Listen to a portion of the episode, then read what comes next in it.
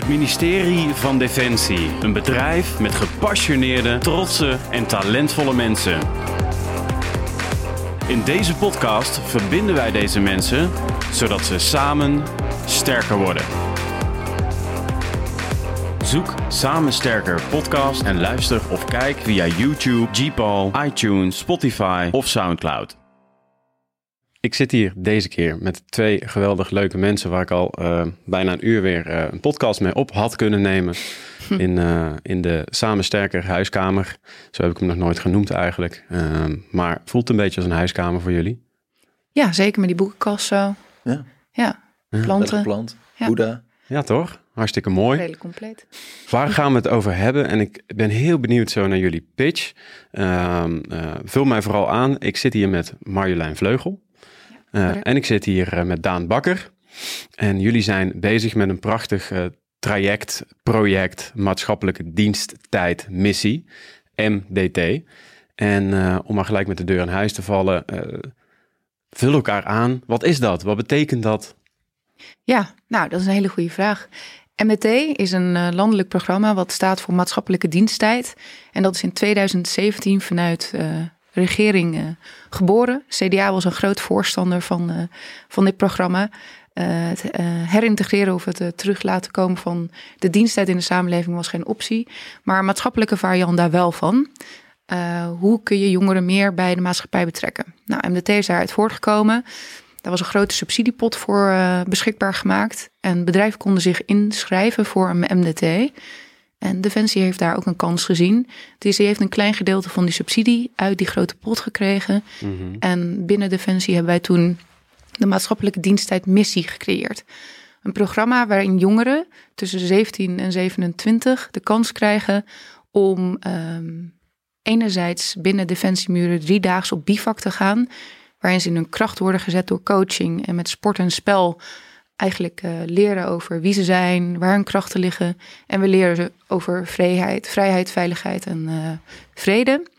Eh, en anderzijds gaan ze dan na die bivak eh 40 uur vrijwilligerswerk doen in eigen regio. Een heel loffelijk streven. Dus 40 uur bivak en 40 uur maatschappelijk werk. Dat is eigenlijk wat de MDT is.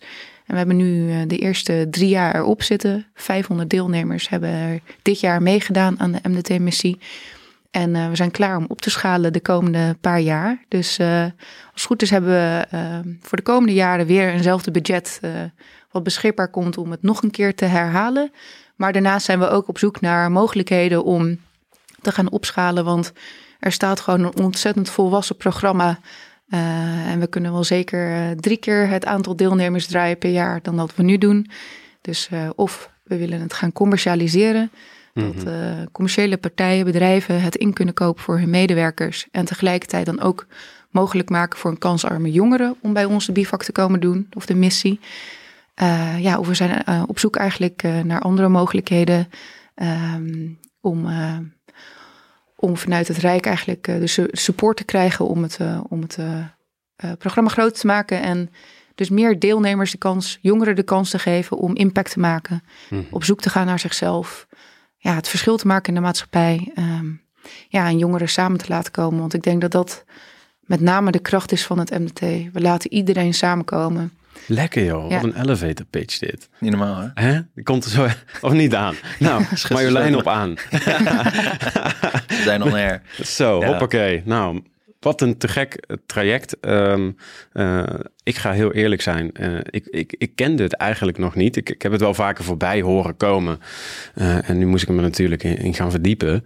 Eh, en we hadden het er voor de podcast al over. Dus ik heb echt, echt heel veel vragen aan jullie. Wat dat dan oplevert. En wat is het belang voor defensie. En, en misschien een aantal dingen die die jongeren dan mee hebben gekregen. Wat dat hen opgeleverd heeft. Al die dingen wil ik het eigenlijk met jullie over gaan hebben. Brand maar los. Nou, ja, Ja, ja. Leuk. ja en, en- en even voor de mensen, dus eh, wat is jullie rol daarin? Ja, wij vormen samen de projectleiding. Ehm, en wij zijn, wij werken hier nu eh, ruim anderhalf jaar. Dus wij zijn eigenlijk gestart van het moment dat de beleidsstukken er waren. Dus wij zijn eigenlijk begonnen met die beleidsstukken in realiteit te brengen. En wij, als we nu terugkijken, de eerste trajecten waren we heel erg bezig met eh, nou ja, het programma van A tot Z vormgeven, de legering regelen. Het heel erg operationeel waren we bezig om zelf met p-nots heen en weer te scheuren om alle uh, spullen op tijd te krijgen. En nu merken we toch steeds meer dat we echt gewoon een product hebben staan waar we een militair kader hebben, waar we coaches hebben um, die het steeds meer zelf kunnen oppakken. En waar wij eigenlijk ja, steeds meer onze handen los van kunnen trekken. En steeds meer ook bezig kunnen zijn met op beleidsmatig niveau. Maar we blijven heel erg graag direct betrokken. Omdat elke keer op die bivacs, en daar komen we denk ik zo nog even op wat er allemaal gebeurt. Maar het is zo mooi om te zien wat daar allemaal kan gebeuren in drie dagen. En wat voor impact we daar kunnen maken bij jongeren. En dat is uiteindelijk ook waarom wij ons werk doen. En waarom we het zo leuk vinden. Ja. Dus ik hoop dat we ook nog elke keer bij die bivacs aanwezig kunnen zijn. Om die impact die we met ons programma kunnen maken ook echt te blijven zien. Volgens mij ademen jullie dit hè? Redelijk. Redelijk, ja. ik, ik, word hier heel graag voor wakker iedere dag. En net wat Daan zegt, ik zou nooit die ehm, eh, verbondenheid met, met het operationele willen verliezen. Want ja, het, zien welke impact je maakt op die jongeren, dat is gewoon heel bijzonder. En dat soms zeggen wij ook tijdens een, een, een recap na drie dagen bivak dat het ook op ons heel veel impact heeft gemaakt. We noemen de impact bivak omdat we door middel van coaching vaak jongeren zo dusdanig in hun kracht zetten dat we ook echt zien dat we na drie dagen een heel ander persoon terug afzetten op het station. Maar ook op ons heeft het gewoon heel veel impact. Wat maakt dat dat zo veel impact op jullie heeft dan? Nou, wat raakt dat bij jullie? Ik denk dat ook. Ja, ik eh, denk dat, dat de, de kracht van ons programma zit in de combi die we hebben tussen het militaire, wat, wat soms best wel strak kan zijn en wat mhm. we, waar ook discipline wel heel erg centraal in staat. Dus jongeren die komen op het station aan en, en dan zie je vaak wel verschil in hoe ze zich kleden, hoe ze uit hun ogen kijken. je merkt gewoon dat ze uit alle lagen van de bevolking bij ons komen. Maar het mooie moment vind ik altijd dat ze dan hun overal aantrekken in Team Alpha of een Bravo of een Charlie worden ingedeeld en dan zijn ze allemaal gelijk. En op dat moment zie je echt een team ontstaan. En langzaam zie je dan ook de verschillende karakters naar voren komen. Um, die groepsdynamiek is altijd heel erg interessant om te volgen. En per team loopt er een militair mee die meer voor de militaire zaak is om de lessen te geven, om de jongeren op tijd van A naar B te krijgen, maar ook ze militair ja, te kunnen wat bijbrengen. En daarnaast is er een coach en die combi vinden we altijd heel erg sterk. We noemen het wel eens een beetje de bad cop en de good cop. De militair is er meer voor de strakke discipline, om altijd te zorgen dat je je buddy in de gaten houdt. Ook al klikt het misschien helemaal niet met je buddy, ook al komt je buddy uit een heel ander deel van het land. En die coach is er voor nee, wat zachtere ondersteuning. Maar het is zo mooi om te zien hoe die, die combi zorgt voor jongeren ehm, ja, echt, echt wel hele mooie verhalen oplevert. Van jongeren die buiten hun comfortzone stappen, die over eigen angsten heen stappen. En dat zijn processen waar je als militair bijvoorbeeld heel erg dicht op staat. Want het is jouw team die je drie dagen lang begeleidt. Dus dat raakt de, de militair vaak ook en de coach ook. En daarmee bij zo'n recap, ja, dan horen we echt hele bijzondere verhalen. Dat, nee, dat, uh, dat en sowieso um, de verhalen die eh, jongeren soms met zich meebrengen, relatief jong, hè, tussen 17 en 27. Maar de dingen die zij soms op jonge leeftijd al meegemaakt hebben, daar staan wij nu nog steeds uh, soms met onze oren te klapperen. Um, het is niet normaal om in een gouden wieg geboren te worden. Ja. En om ook thuis in vrede en veiligheid op te groeien. Ja, ja. En wij zien dat we in drie dagen een dusdanig veilige omgeving kunnen creëren. Dat, um, ja, wat Den, Daan juist ook zei, dat, dat jongeren eigenlijk hun diepste gevoelens en angsten met elkaar delen. En daar dus ook echt aan kunnen werken. En dat is gewoon echt mooi. Dat, dat, dat maakt de impact op hun, maar ook op ons, omdat het onze ogen opent dat het niet normaal is om ja, zonder krasjes door het leven te gaan. En uh, ja, ik, ja, ik vind dat, uh, ik vind dat heel, heel, heel bijzonder. En daar kom ik ook uh, graag mijn bed voor uit iedere dag. Ja. Wat, wat maakt dat Defensie deelneemt aan een MDT? Um, nou, ik denk in dit geval, uh, het was een landelijk programma. Het woord diensttijd zat erin. Dus ik denk dat uh, daar in de tijd ook dat men dacht van... oké, dit is een heel mooi, mooi programma om gewoon op aan te haken. Want hier zien wij, hier zien wij veel uh, potentie in. Um, dus ik denk dat dat eigenlijk een van de beginredenen is om met het MDT mee te gaan doen. het was allemaal best onzeker, want je moet dus beleidsstukken gaan schrijven... een programma gaan vormgeven. En ik denk dat het bijzonder goed is uitgepakt allemaal. Want uh, op dit moment worden wij binnen MDT Nederland ook wel als een van de uh, voorbeeldprogramma's gezien. Mm Uh, iets wat ook. Want uh, even terug, welke, welke zijn er ongeveer? Voor, voor wie de, wat zijn de deelnemers? Nou ja, dat zijn gewoon. Uh, dat zijn bijvoorbeeld grotere bedrijven zoals Staatsbosbeheer, maar ook gemeente Amsterdam heeft een MDT-programma. Mm -hmm. um, ja, dus de, de, grotere, de grotere bedrijven in Nederland hebben de tijd genomen om zo'n programma vorm te gaan geven. Ja, waaronder wij. Um, en wij hebben dan zelf een sociaal partner in ons programma. Dus we hebben een partner die zorgt dat de jongeren in, in een eigen regio een vrijwilligerswerkplek krijgen. Ja. Dus daar, um, uh, daar krijgen we hulp bij. Ja. Dus wij verzorgen het defensiegedeelte en zij doen dan het maatschappelijke gedeelte van de MDT-missie. Um, maar ik denk dat de Defensie daar dus gewoon een, uh, ja, een hele mooie kans heeft gezien. En nu het ook uh, staat, het programma, en volwassen is. Dus ja, we hebben gewoon proof of concept. Uh, en ook uh, uh, MDT is opgenomen in de rijksbegroting, die uh, relatief dun was. Um, denk ik dat het ook nationaal erkend is. Nou, ja. het, het, is nationaal erkend. Het wordt een aantal keer vermeld in de rijksbegroting. er is een flink wat geld ook vrijgemaakt voor MDT landelijk. Ja omdat het een prachtige manier is om jongeren met elkaar in contact te brengen. Maar ook de afgelopen jaren zijn best wel wat jongeren tussen wal en schip gevallen. Mm -hmm. uh, ik geloof dat de depressiviteit uh, enorm is uh, toegenomen sinds COVID.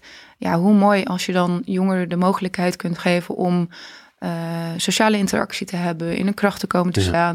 En uh, ja, ja, ik ben wel blij dat je dit noemt. Dat ze bijdragen, zeg maar. Ja, want ik hoorde inderdaad wat je zegt, hè, dat, dat er uh, de suïcide was inderdaad uh, echt zo enorm toegenomen. Ik durf geen getallen te noemen, want, maar het was een echt een extreem ja. getal alleen in Nederland. Ja. Dat ik dacht, hè, wat? En dan echt jonge mensen. Hè? Ja. Meer dan 50% was het in ieder geval. Ik heb het ook in de krant gelezen, onder studenten hadden ze dat gepeild. Ja. Dat ik echt dacht, oh, dit is gewoon, dit is gewoon echt een probleem. En ja, um, ja op deze manier... Um, geven ze het idee en dat, dat ze verschil maken. En ze maken ook echt verschil. En uh, ik heb zelf ooit vrijwilligerswerk gedaan, dat doe ik nog steeds. Maar ik ben ooit vrijwillig gaan schrijven voor een maatschappij, een um, Mercy Ships. Die hebben ziekenhuisschepen voor de kust van Afrika. En ik weet nog de eerste keer dat ik vrijwillig mijn werk inleverde, dat ik dacht, nou, er is heel veel tijd ingestoken voor niets. Maar dat voelde zo goed. Ja. En ik denk ook dat als je jongeren voor het eerst iets voor niets laat doen, dat ze daarna de smaak te pakken krijgen. En hoeveel mooier is de samenleving nou als we allemaal gewoon geven in plaats van alleen maar nemen. Ja. Want geven is eigenlijk onderaan de streep, geeft dat een veel beter gevoel. Hashtag Marjolein Vleugel. Precies. Dan, of niet? Kan gelijk op Twitter. Ja, ja nee, het, het, het, mooie ook vind ik aan het programma is voor de kans die Defensie daar denk ik ook heeft gezien, is dat voor heel veel jongeren, inclusief voor mijzelf, voordat ik hier kwam werken, echt een organisatie is die zich letterlijk op een kazerne afspeelt en soms achter best wel hoge muren afspeelt, waardoor ja. je soms heel weinig beeld hebt van wat er eigenlijk allemaal gebeurt binnen Defensie. Dat dat veel breder is dan alleen de beelden die je soms naar buiten ziet komen in een Afghanistan of een ander uitzendgebied. Dus ik denk dat de kracht juist is dat we de deuren letterlijk en figuurlijk openzetten voor jongeren. Ja. Um, om binnen te komen kijken wat er allemaal gebeurt en, en daar zelf ook dat te kunnen ervaren. Is dat gelijk dan ook het belang wat Defensie heeft? Want uh, ik heb begrepen van jullie dat het niet zozeer is en geen enkel MDT-programma om mensen te werven of aan hun organisatie te binden, ja. maar meer een beeld te geven wat er in de maatschappij is. Ja. Uh, ja. En hier creëer je natuurlijk ook uh, ongelooflijk goede ambassadeurs. Zeker. Ja. dus het, dus, ik zeg zeker. soms ook dat ik hoop dat onze deelnemers niet per se bij Defensie willen werken, maar dat we gewoon heel veel goede ambassadeurs naar buiten laten treden. Die zeggen dat er wel gevoeld mag worden binnen Defensie. Dat je mag zijn zoals je bent. En dat je, als je in je kracht staat, gewoon echt iets kunt bijdragen. Ja. ja. Hoe, hoe ziet het traject eruit? Hoe, hoe gaat dat in zijn werk? Het is eigenlijk een, is zoals maar zijn drie dagen een bivak. En totale trekt is 80 uur. Dus de eerste 40 uur van die 80, dat is een bivak die, die begeleiden wij. En dat uh, houden we nu op de drie grote landmachtkazernes toevallig, omdat daar nee, heel veel faciliteiten zijn. Dus dat is Havelte, Oorschot en Schaarsbergen. En dan pikken de jongeren eigenlijk op dag één op op het station. Um, in een burgertenu nemen we ze mee naar de kazerne en krijgen ze dan van ons een overal, een militaire rugzak, uh, een, een, fles, een uh, bord bestek, alle, alle gear krijgen ze van ons. En vanaf dat moment ja, is dat ook hun wereld. Ze leveren een telefoon in.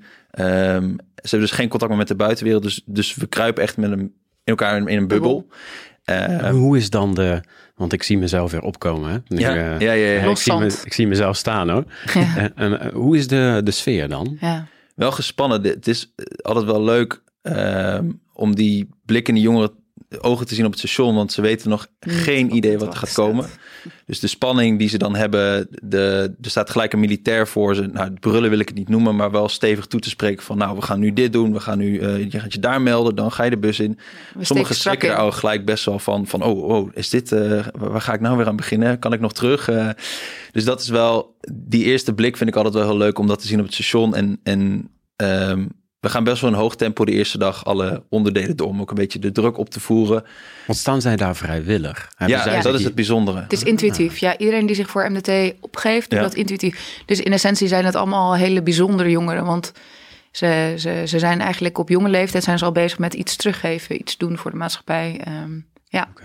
Dus uh, intuïtief. Maar ja, loszand. Hè. We pakken, wij, wij vergelijken het vaak met vooris met loszand. We, we halen ze als loszand op op dag één. Ja. Steken strak in, zoals Daan zojuist al zei. En dan uh, gaan we flink tempo door de eerste activiteiten. Van uh, intrekken in de tenten tot eerste sportactiviteiten. En dan ja, ja lessen. En s'avonds vaak een coördinatentocht door het oefenterrein. Ja, en dag twee staat dan ook weer in het teken van sport en spel. Dus we, s'morgens vroeg worden ze gewekt. Gaan we even knikken, knakken. Dus we beginnen met een kleine sportactiviteit. dan uh, wordt er ontbeten. Gaan we weer sport en spel in. Vaak nodigen we ook een veteraan uit om te, een lezing te geven over vrede en veiligheid. Want dat is wel een beetje de aorta die door die drie dagen loopt. Mm um, wat komt er nou bij kijken om in een vrede en veilig land te leven? En uh, ja, dat we ze bijbrengen dat het niet vanzelfsprekend is. S'avonds beginnen we dan, uh, ik zei net strak insteken, s'avonds beginnen we al een beetje af te vlakken. Of in ieder geval wordt het al wat losser. Dan mhm. zie je ook dat die cohesie al ontstaat. Hè? Want dat kameraadschapgevoel, ja, ik hoef het jou niet uit te leggen, maar ik heb dat zelf als heel bijzonder in mijn AMO ervaren. Um, dat je eigenlijk in relatief korte tijd, uh, omdat je met z'n uh, allen wakker wordt en gaat slapen, dat, je, dat, je, dat het echt als een familie begint te voelen. Dus dan beginnen ze ook door te krijgen van, oh, dit is kameraadschap. Dus op avond twee merken we al vaak dat de jongeren elkaar kennen, dat het allemaal al heel amicaal onderling is. Uh, ze weten precies waar, waar angsten liggen, omdat we die coachinggesprekken hebben gehad. Ze trekken elkaar mee in het zwembad over de HIBA. Dus ja, echt die cohesie is er. En opdracht drie um, hebben dan altijd een sociaal element. Gaan ze op sociale missie al, om uh, hun maatschappelijke 40 uur alvast in te leiden. Hebben dan in de buurt van de kazerne hebben we bijvoorbeeld uh, een, een, middag bij een tehuis voor mensen met een niet aangeboren hersenafwijking. Of bij, we helpen mensen verhuizen. Uh, nou ja, ze gaan allemaal kanten op. Ze gaan in een, een, tuin bij een klooster gaan ze helpen tuinieren. Dus, en, en dan s'avonds hebben we een eindceremonie. Nadat we vaak nog een sport- en spelprogramma hebben gehad. Dus dan gaan ze een eindceremonie in en dan krijgen ze een medaille. Hoe lang is dit er al, joh? Ik vind dit echt bijzonder, hoor. Het is er pas een jaar. Nee, het, het, het beleidprogramma is er vier jaar geleden. Maar de uitvoering uh, is er nu een jaar. Dus uh, we zijn een jaar bezig. Wij zijn eigenlijk... Fenomenaal, mensen. Ja. ja, en ook wel goed om erbij te zeggen... is dat we niet op de operationele capaciteit van de kazerne drukken. Want we werken dus alleen maar met reservisten samen. Mm -hmm. We hebben echt een prachtig team aan reservisten... uit alle opkoos samengesteld. Uh, dus marechaussee, landmacht, luchtmacht, marine. we hebben alle kleuren en... Uh, ja, daarmee zijn we ook niet tot last uh, voor Defensie. We zijn en extern gesubsidieerd en we zorgen voor uh, werkgelegenheid voor reservisten. Dus ja, dat is gewoon een hele mooie win-win.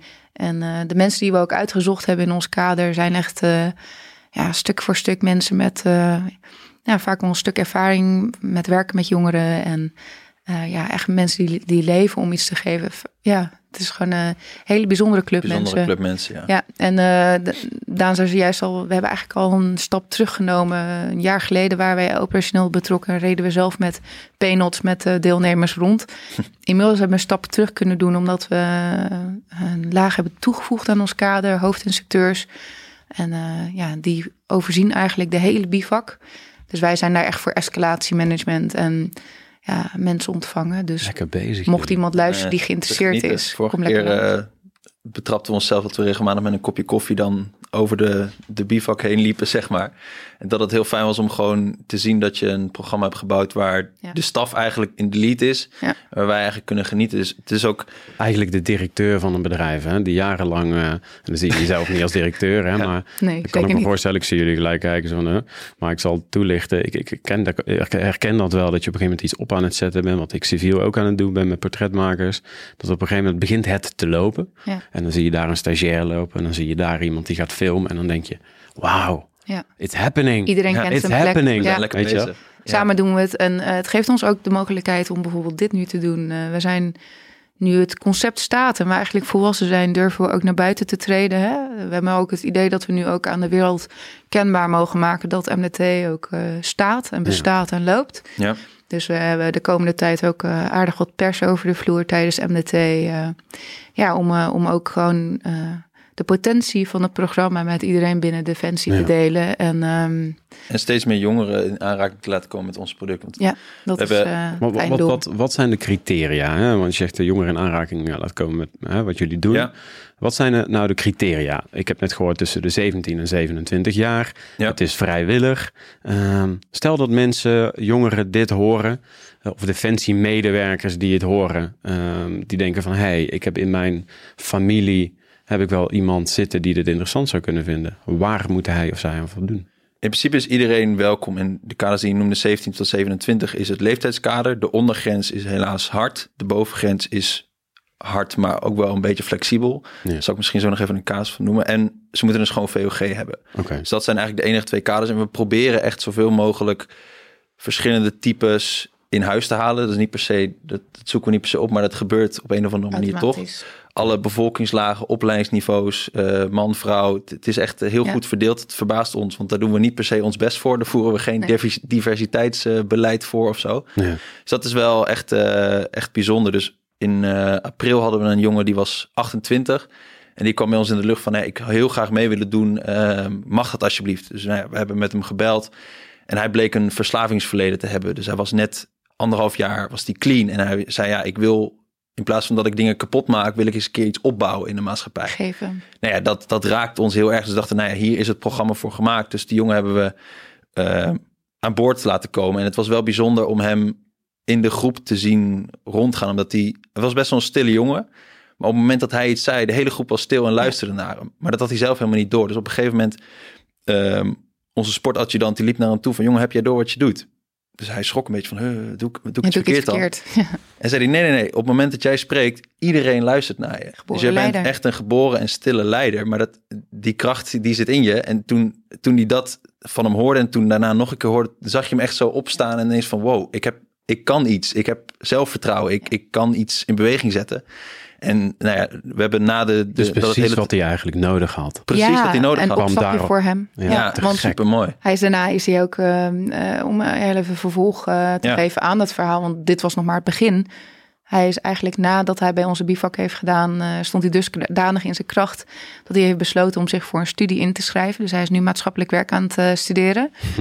en eh, hij helpt kansar of kansarme jongeren, sorry verkeerd. hij helpt dus op dit moment jongeren met een verslaving eh, in hetzelfde huis als waar hij van zijn verslaving eh, is afgeholpen. Krijg je er kippenvel. En dan is Ja, de cirkel rond. wordt het niet. hoor. Ja. Dan is het gewoon klaar, hè? Dan Ja. is er gewoon podcast klaar. Ja. Het is gewoon geregeld. stop. Het is gewoon Ja. geregeld. Ja, het is toch prachtig dit? Ja, ja, Ja. en ehm, nog andere speciale gevallen is bijvoorbeeld dat we in, het, eh, in de zomer een doof meisje de kans hebben kunnen geven om mee te doen aan ons traject. En die kwam toen met eh, twee tolken, ehm, die dus voor haar constant alles vertaalden wat er om haar heen gebeurde. En wat wij op een gegeven moment onwijs kicken vonden, is dat eh, er toen bij een LTV-opdracht, eh, dat er toen, eh, dat zij op dat moment de leiding nam. En via die tolk de rest van de jongeren dus aan het aansturen was. Ja.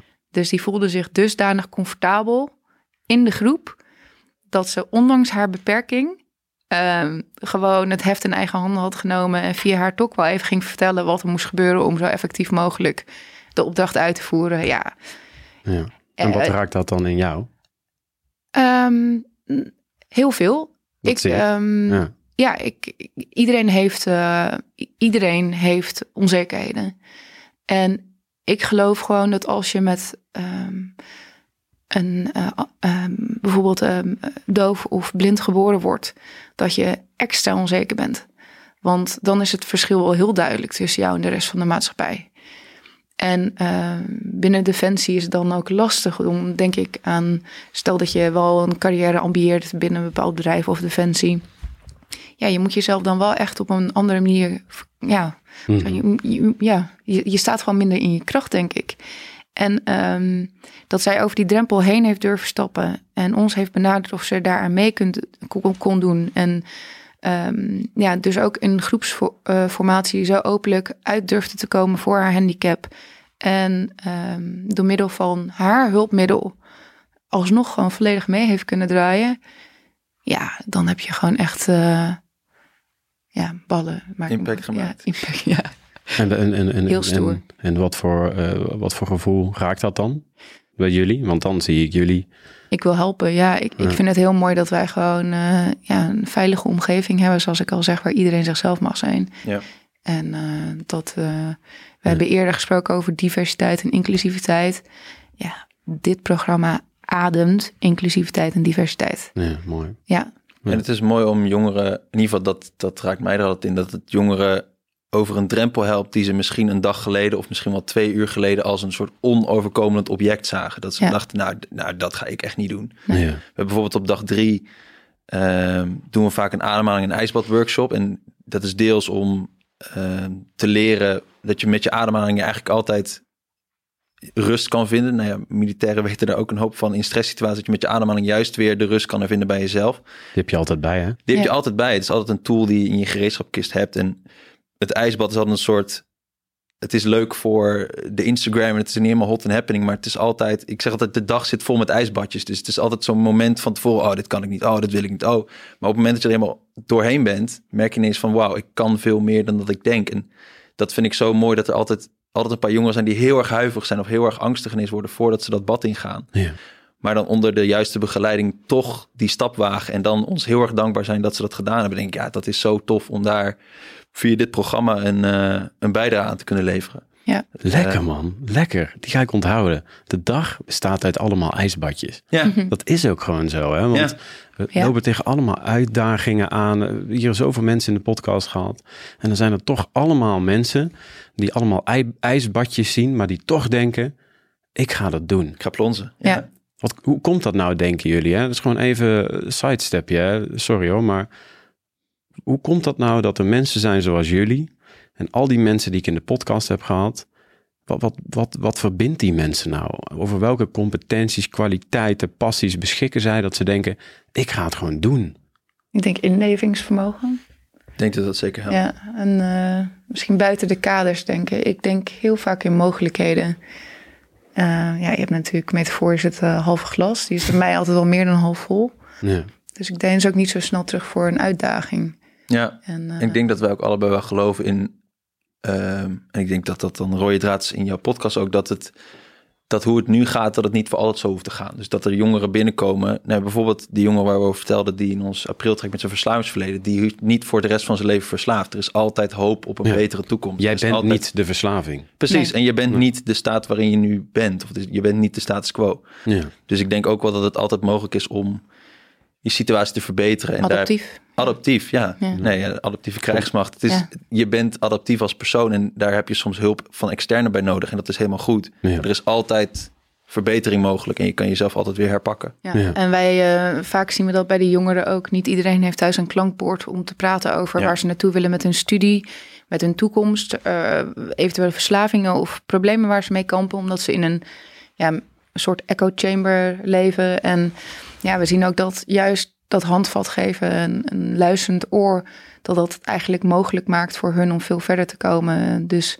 dat wij eigenlijk dat, dat duwtje in de rug zijn soms om weer een stap verder te komen. En Want zijn dat dan de drijfveren van eh, deze jongeren? Ze willen iets bijdragen. Ze hebben een lastige periode gehad. Ehm, eh, wat kun je eens een aantal drijfveren op een rij noemen? Misschien Best- dat dan jongeren divers. zich daarin herkennen. Hè? Of, Ja. of, Ja, het is best divers. Sommige jongeren die, die, die twijfelen of ze bij Defensie überhaupt willen komen werken. Dus die hebben bijvoorbeeld, vinden het Corps Mariniers heel tof, maar die zien het misschien wel als een soort stage. Van ik ga drie dagen eens binnen Defensie kijken. Ja, snuffelstage van is dit eigenlijk wel een bedrijf waar ik wil werken? Mhm. Dus dat soort jongeren zien we. Sommigen die zien het als een, eh, die hebben Kan van Koningsbrugge gezien en denken, nou dat wil ik ook.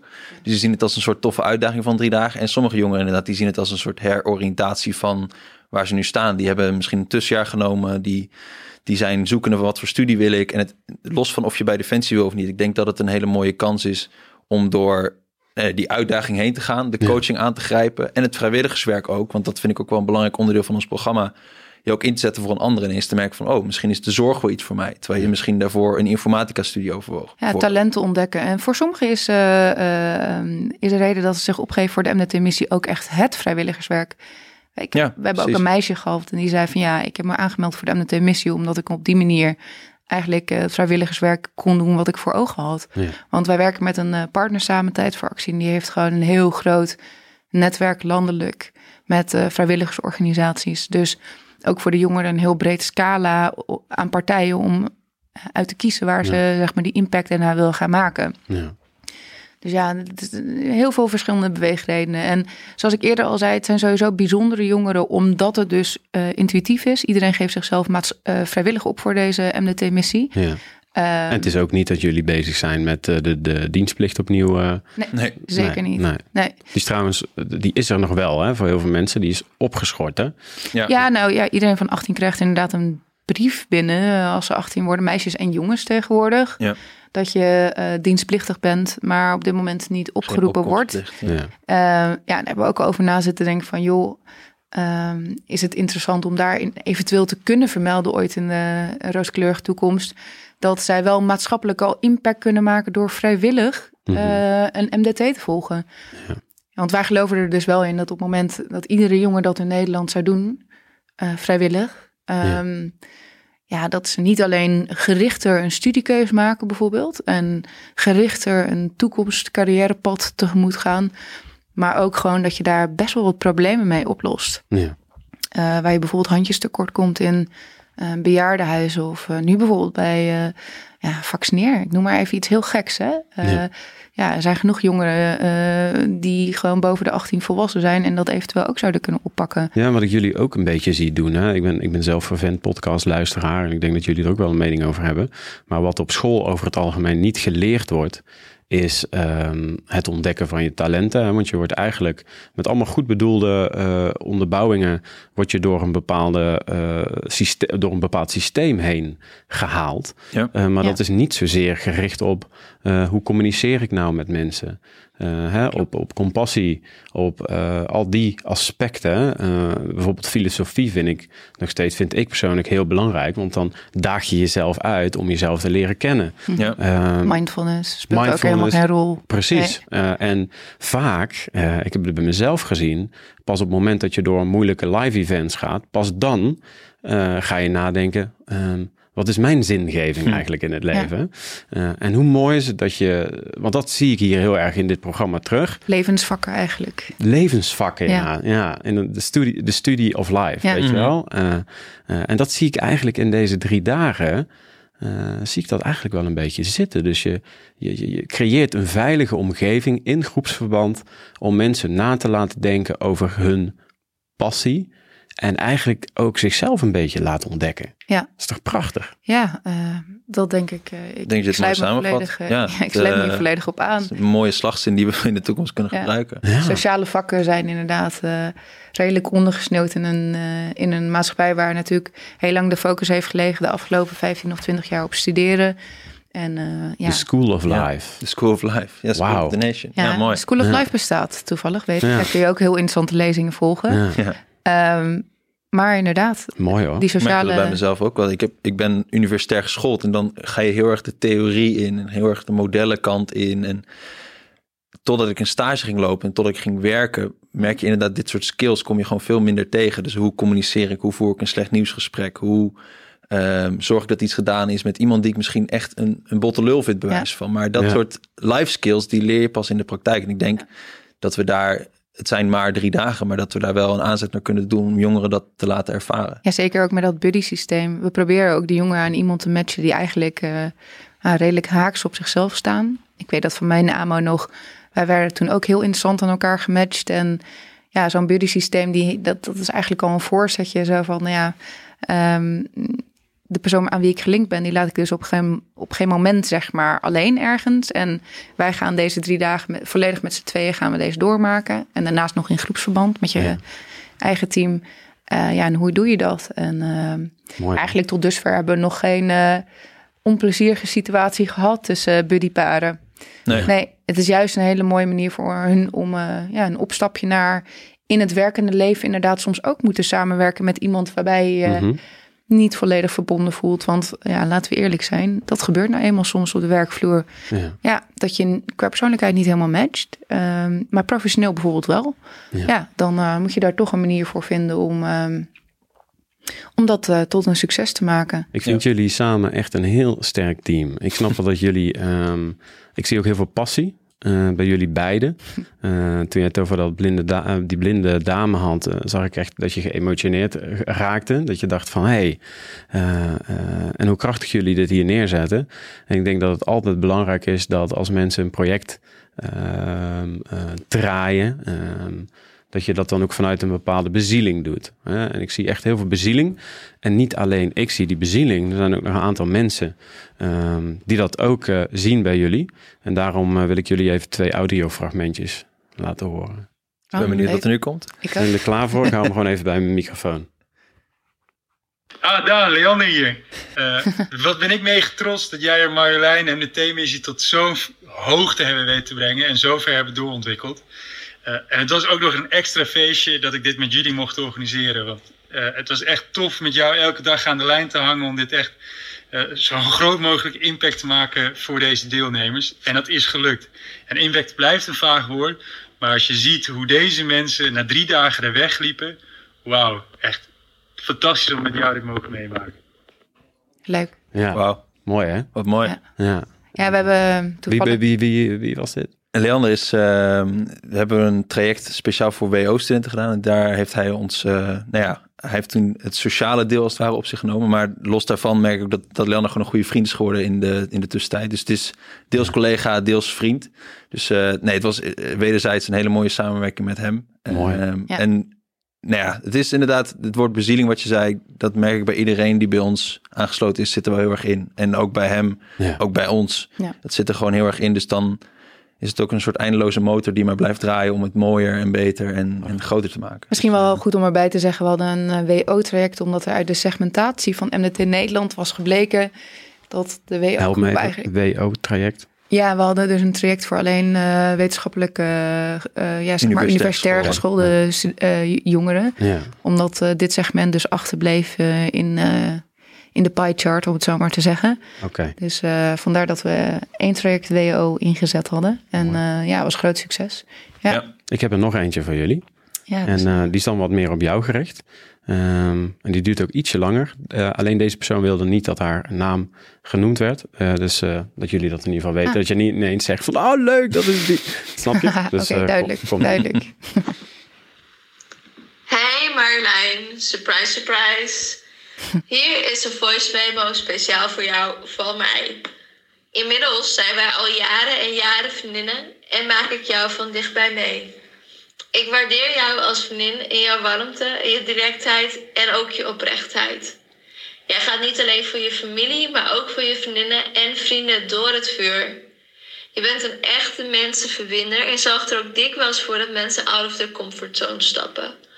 Ook mij heb je dikwijls het vuur aan de schenen gelegd wanneer ik in mijn leven op een so-called kruispunt stond. Je bent een echt goede analyticus en een echte meedenker. Om je brein fris te houden doe je ontzettend veel aan sport. ochtends vroeg om 7 uur je eerste baantjes trekken in de Mirandabad en roeien over de Amstel met je team, een paar keer per week. Met team en vriendinnen, maar ook je familie ga je heel graag tripjes maken. Dichtbij, ver weg, zeilen, hiken, citycrawling. En daarnaast zijn er ook de feestjes en je lieve kater Harry om mee te kroelen die je ontspanning brengen. Je bent een echte levensgenieter. Maar ook een levensgenieter met een missie. Sinds twee jaar ben jij werkzaam bij Defensie. En wellicht heb je mensen in je omgeving verbaasd. Van dure superyachts verkopen naar je in een legerpak hijsen en je maatschappelijk inzetten. Ik ben trots op jou. Niet alleen omdat je mijn vriendin bent, maar ook omdat je een prachtig persoon bent wat zich inzet voor ons mooie Nederland en daarmee ook de wereld. Een hele dikke tuut van Jans. Wat onwijs leuk. Ja. Mooi. Ja, dat was echt op het persoonlijke. Het is leuk. Ja, als vrienden spreek je dat soms niet op die manier Nee. naar elkaar uit. Dat Nee. is bijzonder. Ja, Ja. Om dat zo te krijgen, toch? Ja. Ja. Ja. ja. heel Nou, leuk. En dat is ook gelijk mijn vraag, want er wordt gezegd missie, missie, missie. Maar wat is dan uh, jullie, uh, uh, wat drijft jullie om, om, om de MDT-missie ehm, ja, eigenlijk te ondersteunen? Waar, waar, waar, komt dat bij jullie vandaan? Ja, dat is bij mij eigenlijk, had ik deze droom al toen ik vroeger, in de tijd dat je nog naar de studiejaarbeurs ging, toen werd ik al redelijk verleid door de defensiestand. Alleen in de tijd heb ik toen niet gekozen om bij de marine te gaan. Maar het was eigenlijk een het is een lang gekoesterde uh, jeugdwens eigenlijk al. In de tussentijd ben ik dus in de jachtindustrie beland, zoals mijn vriendin zojuist al zei. Master toegespitst op scheepsbouw gedaan. Maar uiteindelijk miste ik toch het stuk uh, ja, geven en iets bijdragen aan de maatschappij. Mhm. Ik verkocht jachten aan multimiljardairs.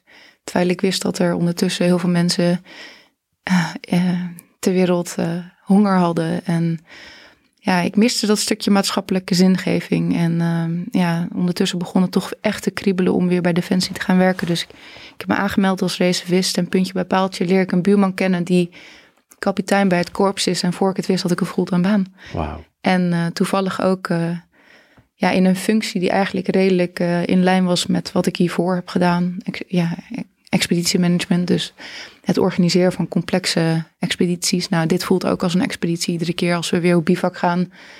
Die moeten mensen op de juiste plek hebben. De goederen. Alles moet rijlen en zeilen. En, um, dus het is een lang gekoesterde jeugd, jeugdwens die is uitgekomen. Ja. En um, mijn intuïtie zei op het moment dat ik me aanmeldde als racevist... Dit, dit is de juiste stap. En nu ik binnen Defensie werk, denk ik ook... dit is echt een warm bad. Ja. Ik had nergens anders willen zijn. Ja. Ja. Een analytische, sociale, bezielde mensenhelper. Ik ben wel een mensenhelper. Ik vind het ook echt leuk om te geven. Prachtig. Ik vier ook niet graag zelf mijn eigen verjaardag. dus dat hele centerpunt van uh, attention, dat hoeft voor mij niet echt. Maar ik vind het wel onwijs tof om jongeren, om, ja, om, om jongeren kansen te bieden. Prachtig. Omdat ik zelf ook kansen heb gehad in mijn leven. Zo is het. Ja. ja. En voor jou, Daan? Ik sluit me daar heel erg bij aan. Ik merkte dat ik heb hiervoor een tijd bij de ABN AMRO gewerkt. En ik merkte dat dat me heel erg veel leerde over uh, wie ik was als werknemer en wat ik kon. En dat ik, uh, nou ja, uh, analytisch ook redelijk sterk ben. Maar ik merkte gewoon een soort, nou ja, het komt het woord bezieling weer voorbij. Mm -hmm. Een soort reden om, om, ja, om een bed uit te komen waar ik echt zelf veel plezier aan beleefd. En, en ook de maatschappelijke meerwaarde van zag. En toen we nu een paar keer dat zo'n bivak hebben gedraaid, merk ik elke keer weer dat het, dat het me echt ontroert, de verhalen die ik hoor. En, en het feit dat je kan bijdragen in de persoonlijke ontwikkeling van iemand anders. En helemaal bij jongeren merk ik dat het nog zo'n. Er ligt nog zoveel potentie in zo'n leven. Helemaal ja. als je nog jong bent. Nou ja, ik ben zelf ook nog jong, maar. Um, mooi om daar jongeren op een hele jonge leeftijd al te helpen. Om bijvoorbeeld een soort belemmerende gedachte die ze hebben van ik kan dit niet of ik kan dat niet. Om daar dan aan bij te dragen om die belemmering gewoon de deur uit te schoppen en te zeggen nee, je kan het wel en je kan veel meer dan je denkt. Uh, en dat vind ik prachtig om daar een bijdrage aan te leveren. En, en hoe zit je dan in de auto? Na zo'n, hè, dan zie je iemand die helemaal door zo'n traject heen gegaan is. Hm. En dan zit je in je eentje in de auto. Gaat dan de muziek aan? Zit je dan mee te zingen? Of... Nee, juist stil. En ik zit dan letterlijk als zo'n zo'n film voor me af te spelen met de verhalen die langs zijn gekomen. En, en ik moet zeggen, we de, de, de evaluaties s'avonds... Uh, nou, laat ik ook regelmatig een traan omdat ja. ik het echt mooi vind om. Um, nee, om die, die jongeren. Er gebeurt heel veel in die drie dagen. Dat ze. Um, nee, we hadden een jongen die was redelijk overwicht, uh, zo overgewicht. Sociaal had hij best wel wat, wat obstakels gehad in zijn leven tot dan toe. En het feit dat dan in zijn team iedereen hem gewoon accepteerde voor wie hij was, zonder daarbij hem te pesten, te plagen, whatever. Dat hij een positieve sociale ervaring had. Plus dat hij zoveel fysieke barrières over is gegaan. En dat die jongen daarna met zo'n big smile naar ons toe komt en zegt: Nou, dit was echt een levensveranderende ervaring voor mij. En ik kan zoveel meer dan ik kan, dan ik dacht. Dan denk ik, ja, dan is, dan is mijn dag, mijn week, mijn maand wel weer helemaal goed. Ja. En dan, dan kan ik daar echt geëmotioneerd door in de auto terugzitten om daaraan terug te denken. Van dat je daar een kleine bijdrage aan hebt geleverd. Dat vind ik echt prachtig. Ja. Echt iets betekenen voor mensen. Ja, dat is echt, uh, ja, dat drijft mij wel. Dat ja. Is dat ook de grootste, het grootste succesverhaal? Want jullie hebben nu een aantal eh, verhalen van mensen gedeeld. Maar wat is tot nu toe het grootste succesverhaal van de MDT-missie? Dat is een goede vraag. Ik denk uh, dat het grootste succesverhaal tot nu toe toch wel uh, het samen hebben doen aantonen is dat we een prachtig concept hebben en dat het nu ook echt staat. En dat iedere jongen die daaraan meegenomen heeft, alle 500, dus Ja. eigenlijk een succes zijn. En eh, ik hoop dat we over een jaar kunnen zeggen, met een flinke opschaling, dat onze grootste succes is dat we dat nog voor nog veel, jonger, veel meer jongeren hebben kunnen doen. Ja, Wa- Want wat is de ambitie? die is groot. Die is heel groot. ja, We hebben nu eh, nou, gemiddeld denk ik elke zes tot acht weken een, een bivak met 60 jongeren. Mhm. Nou ja, en dat mag wat ons betreft niet vaak genoeg. Het is misschien dat we dan wat slaaptekort hebben als we dat heel vaak gaan doen. Maar we mogen wat eh, ons betreft bijna elke twee weken of een- elke week misschien wel een bivak gaan draaien. Ja. Dus eh, nee, de ambities wat ons betreft acht, zijn heel erg ja. groot. Ja, ja dus eh, als wij 3000 jongeren per jaar kunnen draaien, dan... eh wij zijn er klaar voor. Ja. Dat is het. We, Ja, we hebben dat- de infrastructuur staan. eh, Jullie zijn er klaar voor. Ja. ja. Nice. Alleen eh, we hebben de gelden nodig. Ja. Dus we hopen Ja. eh, dat... ja, want wat is er nog meer nodig? Hè? Dus, dus geld is altijd tekort natuurlijk. Maar eh, wat, wat hebben jullie nodig om eh, eh, te verdriedubbelen, bij wijze van spreken, binnen nu en Aanmeldingen. aanmeldingen? Ja. Oké. aanmelding. Aanmeldingen, want we hebben een team die we inmiddels ook opgeschaald hebben met het oog op de toekomst. We hebben de afgelopen tijd al flink wat gesprekken gevoerd. En zijn we ook eh, druk bezig met onszelf kenbaar maken. Ja.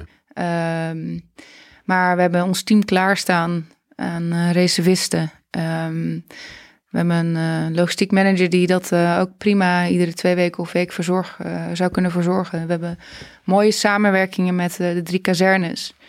Eh, ja, mochten we het iedere week gaan draaien, kunnen we eventueel ook kijken om het buiten Defensie kazernemuren eventueel op te tuigen in een compound. ja, mooi. Ehm, dus eigenlijk hebben we aanmeldingen en geld nodig. Ja, en Ja. bekendheid, want we merken ook steeds Ja. meer dat waar we dit verhaal vertellen, dat mensen zeggen, wauw, wat prachtig, dit is heel tof. Ja, Ehm, maar ik kende het niet. nou, precies. Dus we hopen heel erg, nou ja, en dat is het ook heel, heel fijn dat we hier mogen zijn, dus dank daarvoor. Ja, ja, Ehm, dat we ons verder onder de aandacht mogen brengen, dat steeds meer mensen horen wat, nou ja, wat dit programma en zowel de MDT-missie als het MDT-landelijk programma, want daar zitten ook prachtige initiatieven bij. Ja, Ehm, dus eh, schrijf je in voor een MDT en het leukste is natuurlijk als je dat bij Defensie doet. ja. Ehm, maar er zijn prachtige initiatieven die eh, ja, op jongeren zitten te wachten eigenlijk. Ja, weet je wat is ook? Kijk, kijk ehm, dit zijn de leiders van de toekomst. Hè? Er Zeker. spelen eh, natuurlijk eh, eh, eh, best wel wat onderwerpen in de wereld. Hè? Ehm, eh, en dit zijn de leiders van de toekomst. Dit zijn de mensen die, deze jongeren, die al, die al met een bepaalde insteek dit gaan doen, hè? vrijwillig. ja, eh, naar zichzelf willen kijken. Hè? Dus de generatie eh, Z hebben we het nu voornamelijk over natuurlijk. Ja. Dat zijn ook wel me- eh, eh, mensen die vaak, jongeren die vaak bezig zijn met zaken zoals zingeving. Hè? Ja. Waarom doe ik wat ik doe? Hè? Ehm, dus ik denk, eh, ja, man, dit is echt wat ik al tegen jullie zei. Weet je, ik predik voor eigen parochie, want ik vind het ongelooflijk leuk om mensen te interviewen en verhalen op te halen. Eh, ja, ik zeg echt, eh, we moeten een keer de armen in elkaar slaan en een reeks hoe we dat gaan doen, ook met die jongeren aan tafel. Want Zou dat zijn verhaal de verhalen. Ja. Zo'n jongen die, die een beetje met overgewicht komt en die zich een beetje onzeker voelt. En ja, ik denk dat we allemaal wel eh, onze verhalen hebben, onze faalangst op bepaalde vlakken. En dat is een keer gebeurd ergens. Mhm. Ja. En daar kom je dan achter in die drie dagen. Ja. Dan heb je een succeservaring. En dan denk je, ik kan Hoe het mooi wel. is het om die onzekerheden op jonge leeftijd, in de fase waarin je eigenlijk begint met vormen, om die al achter je te laten. Zodat je eigenlijk met frisse moed Ja, gewoon je carrière of je studiekeuze tegemoet kunt gaan. ja, Eh, dus nee, zeker naamsbekendheid gaat ons ontzettend helpen om eh, deze impact te kunnen gaan maken bij zoveel mogelijk jongeren in de toekomst. ja. En ehm, ja, een, eh, een dienstplichtbrief kan daaraan bijdragen. Maar ja, ook eh, zelf, eh, we zijn nu eigenlijk ook zeker genoeg om naar buiten te treden. Dus Mooi. we zijn daar ook best wel bescheiden in geweest, merk ik. Ja. Ehm, Ja, dat is misschien ook wel de reden dat, dat, dat, dat heel veel mensen het nog niet weten. Ja. Ehm, maar nu zijn jullie er. Ja, ja, En jullie shinen en jullie zijn, wauw. Ik vind het echt een prachtig traject, eh, mensen. ja. thanks Danny. Ja, ja echt, echt kicken. Hey, ehm, ehm, eh, ik heb jullie een hoop vragen gesteld. Ehm, eh, we hebben het gehad over wat is de MDT-missie, hebben jullie uitgebreid eh, uitgelegd. Eh, voor wie de missie is, daar hebben we het over gehad.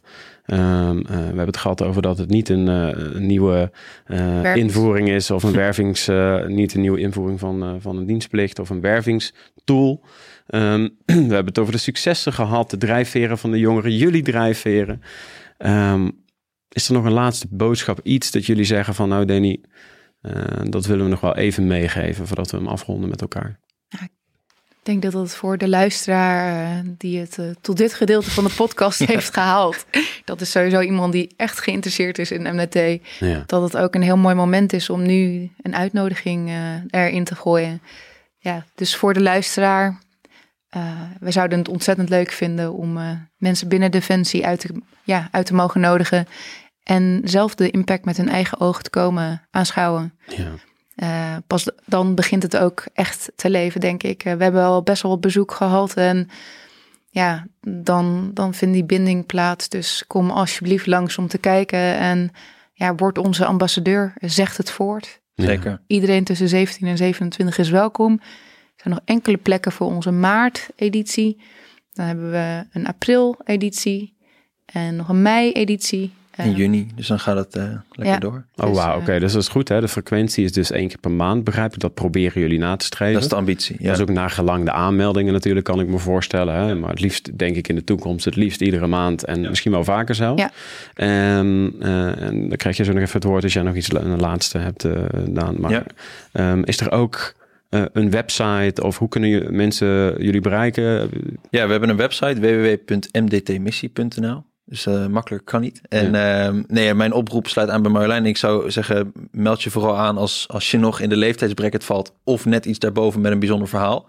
Ehm, en kom vooral langs en kijk, eh, kijk wat we te bieden hebben als traject. En anders mail ons mdt.mindef.nl. Ehm, dus eh, Ja. we staan Ja. graag met jullie in contact. Ook voor ideeën voor de toevoeging die we kunnen doen in ons Zeker. programma. Of denk je, hey, ik heb echt een super toffe gastles die je kan komen geven vanuit mijn ervaring. Of een bijzondere lezing. samenwerkingen die je eventueel samenwerking. mogelijk ziet. eh, Ja, dus de, de, ik denk dat de, de mogelijkheden voor samenwerking oneindig zijn. Dus eh, Ja. kom vooral in de lucht bij ons. En zeker nu we ook een fase ingaan waarin we eh, ja, het concept eventueel eh, naar buiten willen gaan brengen en ja, commercialiseren of eh, mogelijkheden gaan zoeken om het groter te maken. Het is net een denktank, dus eh, ja, en breng ook alsjeblieft al je ideeën, draag ze bij ons aan. Ehm, Zeker. ja, daar maken we graag tijd voor om daar naar te luisteren. Want eh, Daan en ik eh, ja, proberen met z'n tweeën alles zo goed mogelijk in te delen. Ehm, maar goed, met z'n tweeën weet je minder dan eh, met z'n vier samen. Ja. Is het. En wat gaan jullie persoonlijk, op persoonlijk vlak nog, nog leren? Waar liggen de leerkansen nog voor jullie? Ben je ooit uitgeleerd? Nee, ik denk dat het eindeloos doorgaat. Maar Ja. nou ja, ik, ik, het fascineert mij altijd wel om zo'n eh, om die bivak of het traject zo in te delen dat het de meeste impact maakt voor de jongeren. Dus we zijn elke keer weer aan het tunen van wat, wat maakt impact, wat voor coaching hoort daarbij, wat voor Ja. militaire skills hoort daarbij.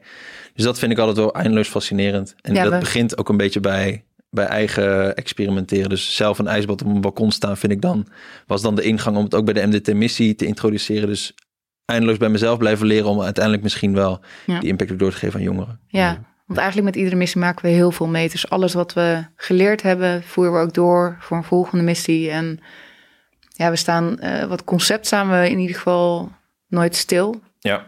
Maar ik denk daarmee ook persoonlijk niet. Ja, Ja. mooi. Alright, hey, super bedankt dat jullie eh, het verhaal wilden delen. Ik ben mega geïnspireerd geraakt door, eh, door wat jullie doen en de passie waar jullie het mee vertellen. Ik hoop dat we hier heel veel mensen mee gaan bereiken. Daarom wil ik ook iedere luisteraar die dit eh, luistert, ehm, wil ik uitnodigen om ehm, dit echt te verspreiden op hun Facebook, Instagram, Heel graag. LinkedIn. verspreid het, like, deel, reageer. Doe dat alsjeblieft, want eh, hiermee gaan we vooral op Instagram, denk ik. eh, dat valt natuurlijk heel erg binnen deze categorie jongeren. Ja. Deel dit en eh, koppel ze aan jullie. Ik denk dat dit een life-changing ehm, eh, ding kan zijn. Ik ben zelf ook vervent meditatiebeoefenaar en ijsbad. En vind het heerlijk om eventjes flink uit mijn comfortzone te gaan. En het brengt je altijd wat. Dus iedereen, doe dat. Deel, reageer. En dan wil ik jullie ehm, onwijs bedanken. En ik wens jullie ook een hele fijne week toe. Dankjewel. Wel, Jij bedankt, ja. Danny. Yes.